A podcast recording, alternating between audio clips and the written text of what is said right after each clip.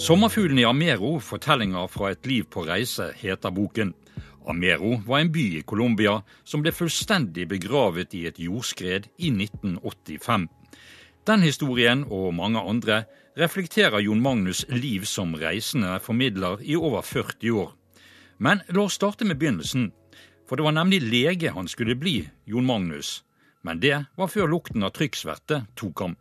Ja, Det begynte vel at jeg, med at jeg, jeg, bodde i Spania og studerte medisin i Spania, av alle ting. Og eh, finansierte studiene ved å sende små epistler hjem til lokalavis i Norge. Dette var så tidlig som under Franco-tiden. Og eh, Spania var ukjent territorium for de fleste. Og etter hvert så grep rett og slett journalistikken meg, så jeg avbrøt medisinstudiene og, og, reiste hjem og kom inn på Journalisthøgskolen på den såkalte røverkvoten, som det het den gangen. Og uh, hadde et sommervikariat i VG, og der har jeg blitt. Og det har vært 40, 42 fantastiske år. Ehm, I boken din så skriver du at du har besøkt nærmere 150 land. Du har hatt syv års opphold i utlandet som VG-korrespondent både i London, New York og Berlin. Ehm, når du tenker tilbake på, på disse årene, hvilke historier er det som, eh, som har gjort sterkest inntrykk på deg, som du har vært med på? Det er veldig vanskelig å svare på, egentlig. Jeg hadde på de 42 årene 11 000 historier på trykk. Eh, små og store. Store reportasjer, helgehistorier, kommentarer osv. Og, så og det er klart det er forferdelig vanskelig å velge noe, men, men det er jo de store, dramatiske begivenhetene som man ofte husker best og lengst. Men samtidig er det historier med mennesker som gjør mest inntrykk. Og det kan være altså alt fra et jordskjelv eller en tsunami til en, en kjærlighet på Pampasen i Argentina. Det er, det, er, vanskelig å velge her, altså. Men jeg har jo i denne boka 'Sommerfuglen i Armero' gjort et utvalg. Jeg har jeg har vel altså 15-20 hovedhistorier som sprer seg geografisk, men også stoffmessig. Og så har jeg i hver enkelt historie puttet inn en del assosiasjoner og, og, og tidligere uskrevne anekdoter. Så, så, summa summarum så nevner jeg vel en 40-50 saker som har gjort inntrykk på meg. Enten fordi at de har vært så dramatiske og så store, eller fordi at jeg har møtt mennesker som har betydd noe spesielt, eller som har hatt en helt spesiell historie å fortelle.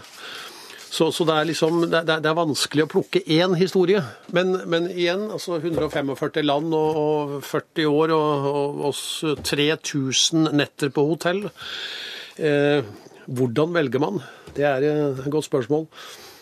Ja, for det, du har jo gjort uh, det på en, på en, litt spesiell måte. Du, ikke bare husker du disse historiene som du nå har skrevet ned, men du har også reist tilbake til en del av uh, disse stedene nå i etterkant og, og, og, reflektert over det du opplevde den gangen?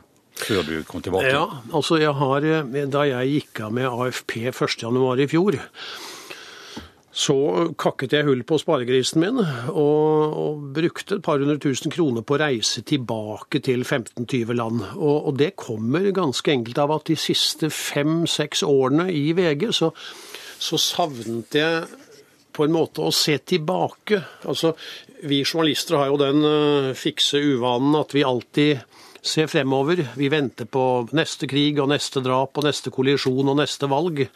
Og har sjelden eller aldri mulighet til å, å se bakover. Om det er av tidsgrunner eller økonomiske grunner skal være usagt. Men jeg følte et veldig behov for å reise tilbake og se med egne øyne hvordan gikk det nå egentlig der? Hva skjedde med de menneskene jeg traff for 40 år siden eller for 20 år siden? Klarte de å bygge opp den byen etter jordskjelvet?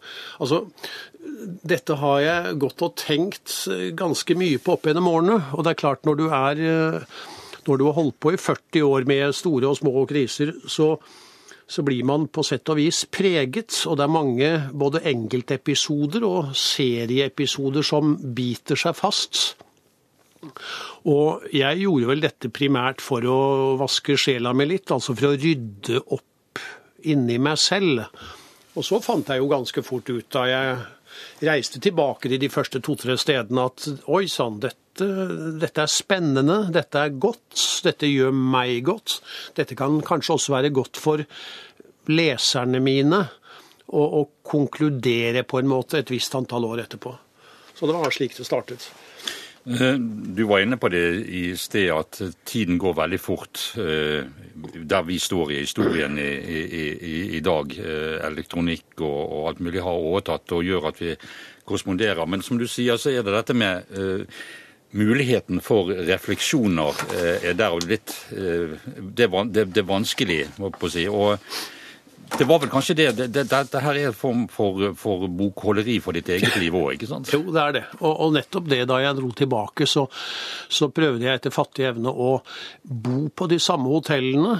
Gjerne på de samme rommene, sitte på de samme balkongene, gå i de samme gatene, for på den måten å, å, å trylle fortiden tilbake. Så, så denne, denne, boka nå, den er jo en slags uh, hva skal si for noe, det er, det, er, både fortid og nutid. Altså Jeg beskriver det som skjedde for x antall år siden, samtidig som jeg møter han har sagt meg selv i døra og forteller litt om hvordan det er nå. Og så sitter jeg og filosoferer litt over eh, årene som er gått. Eh, og hva som har skjedd i mellomtiden. Og Det har vært, det har vært veldig, veldig, bra for meg selv, først og fremst. Men, men jeg håper jo også at, at, at lesere av 'Sommerfuglen i Armero' er, er, syns dette kan være morsomt. I forkant av den samtalen vi har nå, så ble vi enige om at uh, du skulle lese opp et uh, par-tre eh, historier som, som, har gjort inntrykk på deg, i hvert fall deler av historiene. Um, hva har du valgt? Altså, dette er jo en bok som, som, som, sprer seg. Det er både de dramatiske historiene, det er krig, og det er konflikt, og det er krise. Jordskjelv, vulkaner. Men det er jo også en del muntre historier. Altså Som f.eks.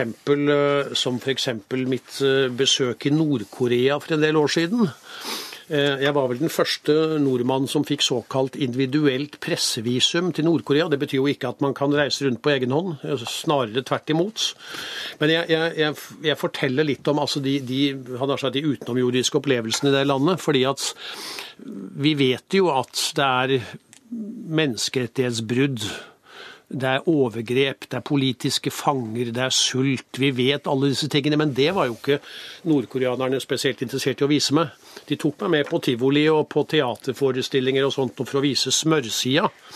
Så jeg skriver her f.eks. Altså jeg, jeg, jeg, eh, pleier jo alltid i håp om å treffe toppfolk, så kjøper jeg alltid med meg en eller annen ting. Eh, et vikingskip i tinn eller en flaske akevitt eller noe sånt noe. Og så lander jeg nå i, i Pyongyang.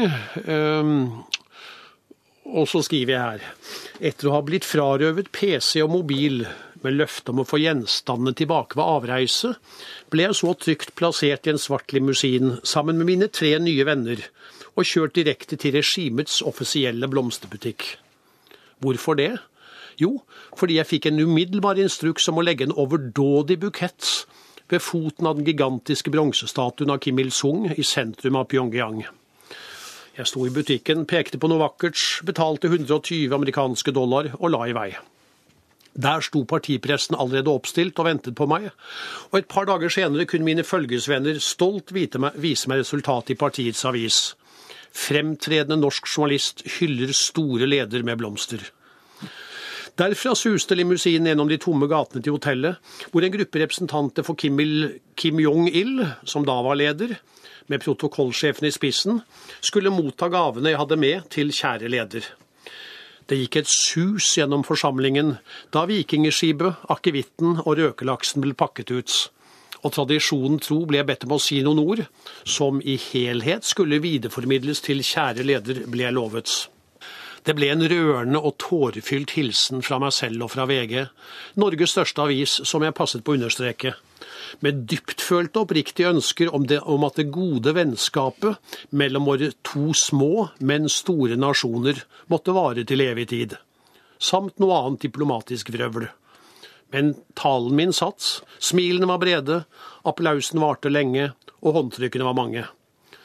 Da jeg så kunne berette for den nordkoreanske fiffen at røkelaksen hadde ligget i en varm koffert i tre døgn, og derfor snarest burde puttes i et kjøleskap dersom kjære leder hadde til hensikt å spise den, ble det stille i forsamlingen. Man tuller ikke med maten til en mann som henter sin kaviar fra Iran, sine druer og meloner fra Nord-Kina, sin bacon fra Danmark og sin sjømat fra Japan, samt øl fra Tsjekkia og viner og konjakker fra Frankrike. Men etter at de hadde dratt en morsom vits om president Bush, var den diplomatiske balansen raskt gjenopprettet, til ny latter og ny skåling. Og så ble jeg eskortert opp på rommet av mine tre venner. Dette beskriver jo hvor, hvor morsomt det er å være i sånne land. Fordi at vi, altså, vi kan sitte og skrive om, sagt, om hva vi vil hjemmefra, men, men å oppleve dette nesten makabre ved å være på plass, det, det, har vært fantastisk i alle disse årene. altså. Og du, du, får jo ikke sånne opplevelser med mindre du er på stedene.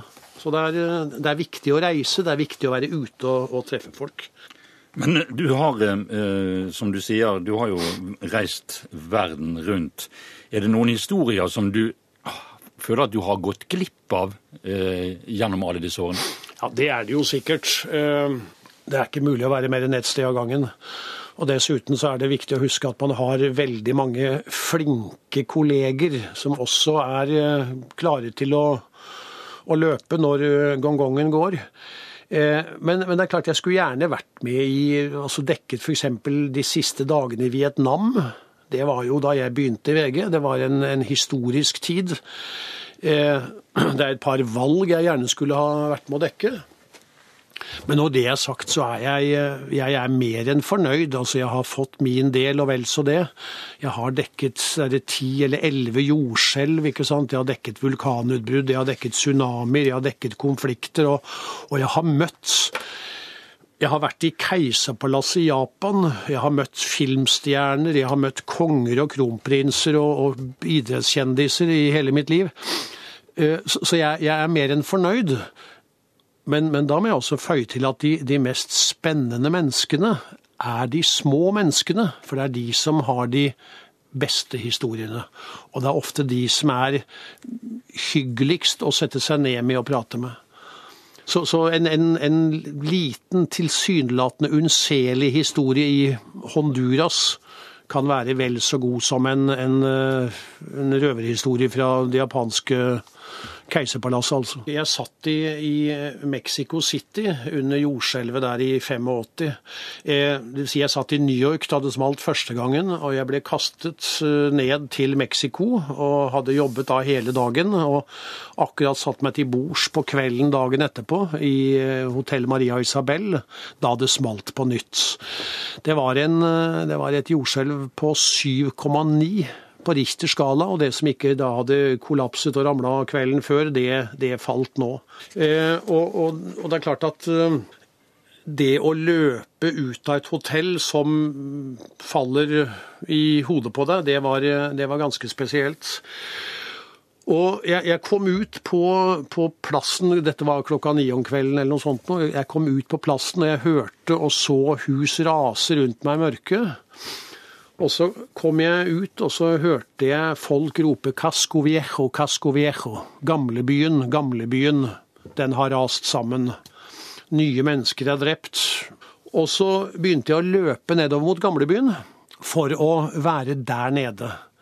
Og så stoppet jeg i natten og orienterte meg litt, og da hørte jeg, hørte jeg en, en, en gråt, en slags klynking fra en ruinhaug. Og så, gikk jeg bort, så skriver jeg her at eh, jeg klatret over ruinene og rettet lommelykten mot stedet der jeg trodde gråten kom fra. Og der, under knust betong og forvridd treverk, var det armen stakk ut. Jeg kravlet bortil, lyste og så de røde neglene på fingre som så vidt beveget seg. Hei, jeg heter Jon og jeg kommer fra Norge og er her for å få deg ut, sa jeg hjelpeløst ut i natten og håpet at kvinnen hørte meg. Hva heter du? Ana. Hva mer, er det flere der inne? Jeg fikk bare mumling og gråt til svar. Så tok jeg hånden hennes i min, strøk den forsiktig og klemte den, og hun klemte lett tilbake. Kan du kjenne at jeg er hos deg? Jeg passer på deg og skal være hos deg til hjelpen kommer. Det er ikke så lenge til nå. Hold ut, dette skal gå bra. Hjelp meg, gråt hun, bli hos meg. Jeg lover. Jeg strøk og strøk på hånden hennes, klemte den med jevne mellomrom og ropte på hjelp ut i natten, og så i lyset fra lommelykten hvordan hånden og armen langsomt mistet fargen, og hvordan blod og neglelakk fløt sammen i en rød tåke. Sakte ble mumlingen hennes mer usammenhengende, og hun svarte ikke lenger med små håndklemmer når jeg strøk varsomt på den. Jeg vet egentlig ikke hvor lenge jeg satt der hos Anna, det kan ha vært et kvarter, en time kanskje, men det var hundrevis og kanskje tusenvis av andre Anaer under betongen i Mexico City den natten. Og min Anna var død da redningsmennene omsider kom klatrende over ruinene. Det siste jeg hørte fra henne, var noe som lignet ordet Norvega. Så ble den vakre hånden med de velstelte røde neglene slapp, og hun døde med sin hånd i min. Jeg slukket lykten og fortsatte å rope i mørket til hjelpen kom. Bak kraftige menn med hakker og spett og hodlykter kom en katolsk prest også klatrende over betonghaugene. Ana fikk den siste olje, og fader forsikret meg at hun var i paradis nå, mens jeg satt der og grein. Og jeg tenkte i det stille at Anas vei til paradis i så fall hadde gått tvers igjennom helvete. Dette er et eksempel på, på små mennesker som gjør uutslettelig inntrykk. Altså, dette var jo en, en særdeles dramatisk sak. Kjendiser glemmer man lett, men små mennesker som har en historie å fortelle, hadde nær sagt enten de dør eller, eller lever, det, det, sitter mye sterkere hos meg. Og, og, og det er sånne historier jeg aldri klarer å komme meg helt ut av. Noen eh, sitter vel med et inntrykk av at uh, verdensvante utenriksjournalister som, uh, som, du kan være kyniske og blaserte, men dette var jo et eksempel på at medfølelsen så absolutt er til, til stede. Jo, altså vi, det er klart vi, vi må vel kanskje opparbeide oss en viss kynisme når man holder på i så mange år. Det er bare å se på mine utmerkede kolleger i VG og Dagbladet og NRK og TV 2 som er ute og dekker dagens konflikter. Det er klart at vi ser mye ondskap. Eh, vi ser mye død, vi kjenner lukter, vi, opplever denne sorgen så intenst at, at eh, det, å, det, å, fly inn, jobbe intensivt noen dager, og så fly ut og ta seg en gin og tonic på, på, på flyet hjemover, det, det, er klart at dette gjør også noe med oss. Blant annet så gir det oss en viss grad av kynisme. Men det skal ikke forhindre oss fra å være medmennesker når det er nødvendig. Altså Dette er jo en løpende debatt nettopp mellom såkalte katastrofejournalister. Altså Skal vi bare tenke på oss selv og sørge for at vi får best mulig stoff, eller skal vi også stoppe opp et øyeblikk og kanskje hjelpe noen som trenger det akutt akkurat der? og akkurat da. Og, og, så må jeg jo føye til, da, ikke sant? Det er, jo, det er jo ikke bare tragedie i denne boka her. Eh, jeg var, jeg var en av de få heldige utvalgte, hadde jeg sagt, som i det var vel i 86 også, tenker jeg, fikk intervjue Imelda og Ferdinand Marcos i sitt eksil på Hawaii etter at de ble jaget fra Filippinene. Jeg slo en plate i pressetalsmannen og, ble nærmest hentet over til Honolulu. Og, og, og fikk, fikk, i utgangspunktet et kvarter med dem. Så kom jeg altså da inn i, inn i denne her luksushuset de bodde i, og så og, måtte liksom skynde meg et kvarter. Og så, og så skriver jeg her Det var da jeg fikk øye på det. Bildet. Bildet som skulle sørge for at min tilmålte halvtime med ekteparet Marcos ble til en lang formiddag med lunsj, paraplydrinker og full omvisning i residensen. Og en lang, hyggelig ettermiddag. For på Imeldas flygel sto et lite, innrammet bilde av Edvard Grieg. Spiller De Grieg? spurte jeg høflig. Ja, svarte presidentfruen, han er jo en landsmann av deg. Ja visst, svarte jeg, og nynnet Grieg på harde livet. Alt jeg kunne komme på i farten. Solveig sang og Den store hvite flokk. Fola Blakken og Du gamle mor. Jeg som egentlig aldri har truffet en tone. Jeg trakterte Grieg som om han var en kjær venn. Tekstene og melodiene rant ut av meg. Imelda satte seg ned ved flygelet, bladde i noter og satte i gang. Og mens presidenten hvilte, noe han visstnok gjorde store deler av dagen, jobbet Imelda og jeg oss gjennom den store norske komponistens musikalske meny. Ja, men det er jo aldeles fantastisk, sa Imelda. Tenk at jeg skulle treffe en herre som kan synge Grieg. Du må absolutt bli til lunsj, kurret hun, og la en velpleid hånd på armen min. Og jeg lurte i mitt stille sinn på om eksilpresidentparet ville servere kaviar og champagne, eller om det ble en filippinsk variant av sild og poteter. Minuttene gikk og ble til en time, og så til to timer. En høflig hvitkledd servitør mikset drinker, omsider kom Marcos, 70 år gammel, sliten og desorientert, men vennlig og interessert. Vår norske gjest blir til lunsj, Ferdinand kvitret i Melda og kysset sin mann på kinnet.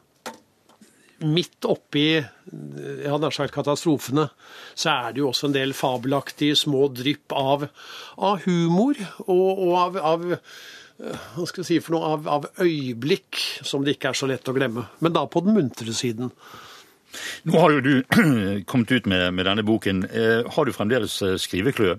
Ja, ja, ja. ja altså jeg, eh, jeg, har aldri hatt det så travelt jeg, som etter at jeg ble pensjonist, hadde jeg nær sagt. Fordi at det er, det er det er så fantastisk mange ufortalte historier der ute. Og, og vi kan ha så mange TV-kanaler og radiokanaler og, og, så mange nettbrett og, og iPader vi bare vil. Men, men, poenget må jo være at alle disse plattformene kan servere gode historier. Og gode historier, de står i kø. Både i eget land og i utlandet. Du har kalt boken din for 'Sommerfuglene i Armero'. Hvorfor det?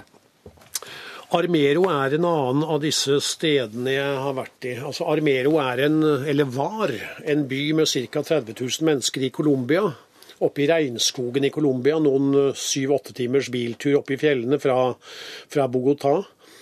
Eh, og i 1986 så ble den byen utryddet. Det var et vulkanutbrudd oppe i fjellene, og på toppen av denne vulkanen så var det en iskappe på 20 meters tykkelse. Og den iskappen den smeltet eh, av lavaen. Smeltevannet veltet nedover eh, vulkansiden og utløste et leirskred, et gjørmeskred, som kom dundrende nedover en dal. 20 meters høyde, 60-70 km fart. Nederst i dalen lå Armero eh, med sine 30 000 innbyggere, og byen forsvant. 25 000 ble drept momentant. Eh, resten klarte seg. Jeg kom ned noen timer etterpå, og min eh, kollega, fotografkollega den gangen, Erik Poppe, han kom over fra Norge. Og vi var oppe i dette helvetet i ja, ti-tolv dager, jeg husker ikke lenger akkurat. Men, men vi kom opp til en, en scene der tusener på tusener på tusener av lik fløt rundt i gjørma. Ingen Altså, dette er nøyaktig 30 år siden. Ingen har noensinne skrevet om Armero i ettertid. Og jeg har tenkt, hva skjedde egentlig der oppe? Bygget de byen opp igjen? Så ringte jeg til Erik Poppe her i fjor og sa Erik, skal du være med over? Og Erik ble med. Vi dro opp der og kom opp til regnskogen, og byen var ikke bygget opp. Denne 15 meter tykke gjørma, den hadde størknet. Her og der stakk det opp et kirketårn, et husmøne, et gjerde. Regnskogen hadde vokst opp på nytt over denne byen, der hvor byen var. Nå var trærne 15-20 meter høye. Eh, det var bølgende grønt gress. Og så var det en million sommerfugler. De, de, det var så mange av de, og de var så vakre og de var så fargerike. Vi børstet de av oss. Og både Erik og jeg undret oss over hvor, hvorfor alle disse sommerfuglene Foran på boka så er det bilde av en ung pike, Omaira på 14 år. Det var den piken som, som var selve inkarnasjonen på motet i Armero. En liten pike hvis føtter var låst fast mellom noen betongblokker nede i gjørma, og hun sank dypere og dypere ned. Og hun døde mens vi sto rundt henne. Det var ikke mulig å redde henne. De prøvde med helikopter og jekk og tau og alt mulig rart noe. Men altså, det var 20 meter bunnløs gjørme.